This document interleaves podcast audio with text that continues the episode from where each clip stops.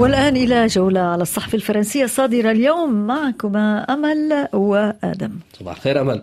صباح الخير لكما آدم وريتا. شكرا صباح الخير. أمل بداية نتوقف معك عند أبرز ما ورد في الصحف حول مقتل العشرات خلال توزيع المساعدات الغذائية في غزة يوم أمس. نعم أدم صحيفة لكخوا وصفت ما حدث بالمجزرة وأشارت جولي كونان في مقالها إلى أن المدنيين في غزة يموتون جوعا بعد أن قتلهم الرصاص والقصف.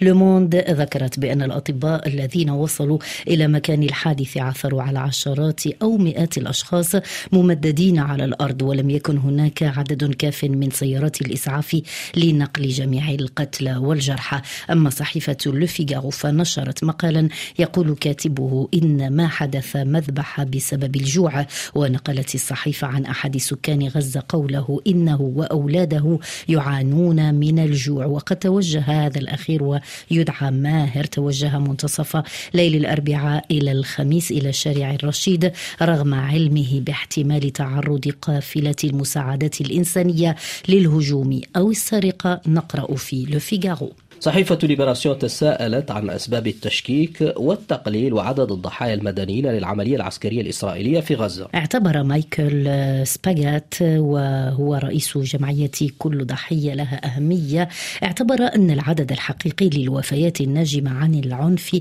تكون أعلى بمرتين عما يتم الإعلان عنه رسميا موضحا أن إغلاق المستشفيات وقصف سيارات الإسعاف أو العاملين في المجال الصحي ونقص الوقود والكهرباء الكهرباء من الأسباب التي تؤدي إلى تعطيل دقة التقارير المتعلقة بالوفيات والجرحى في هذه الحرب. وأكد سباغات أن عدد الوفيات غير العنيفه حسب تعبيره. ويقصد هنا الوفيات جراء الجوع أو البرد أو نقص الدواء.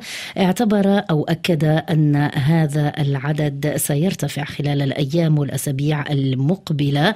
فجميع هذه الأسباب التي ذكرناها أي البرد والجوع ونقص الدواء تعد سلاح حرب أيضا يقول سباغات بين إسرائيل وحزب الله صراع بدون ضجيج لكن المخاوف متزايدة. نقرأ ذلك في لوموند. أشار جون فيليب غيمي إلى أنه على الرغم من تبادل إطلاق النار بين حزب الله وإسرائيل إلا أن قواعد المعاملة بالمثل إلى حد الآن لا تزال سارية. ويتخوف الجيش الإسرائيلي يقول الكاتب من إمكانية تحويل حزب الله لعتاده العسكري وهجومه من شمال إسرائيل إلى الجنوب أي قطاع غزة.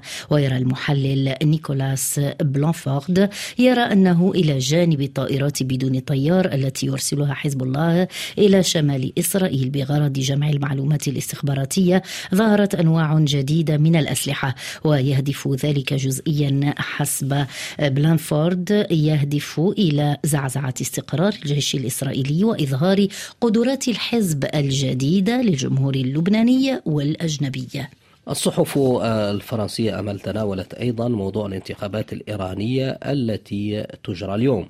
المحافظون هم المرشحون الأوفر حظا والمقاطعة هي الفائز الأكبر. نقرأ هذا العنوان آدم في صحيفة ليبراسيون التي أشارت إلى أن استطلاعات الرأي الأخيرة التي تقدر معدل المشاركة بين 30 و 40% في جميع أرجاء الجمهورية الإسلامية وأقل من 20% في العاصمة طهران وحسب الصحيفة يعود تراجع الاهتمام المتوقع في انتخابات اليوم إلى طريقة اختيار المرشحين حيث يتكون المجلس.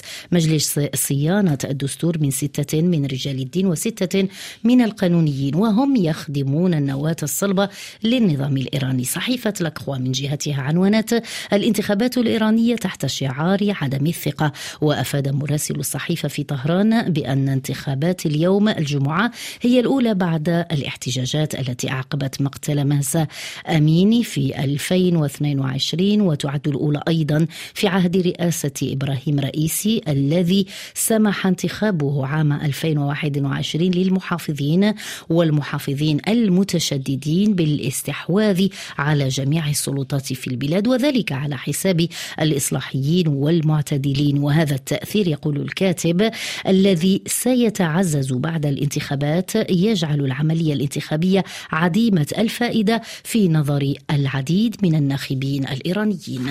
الصحف الفرنسية سلطت الضوء أيضا على تحذيرات الرئيس الروسي بشأن خطر نشوب حرب نووية.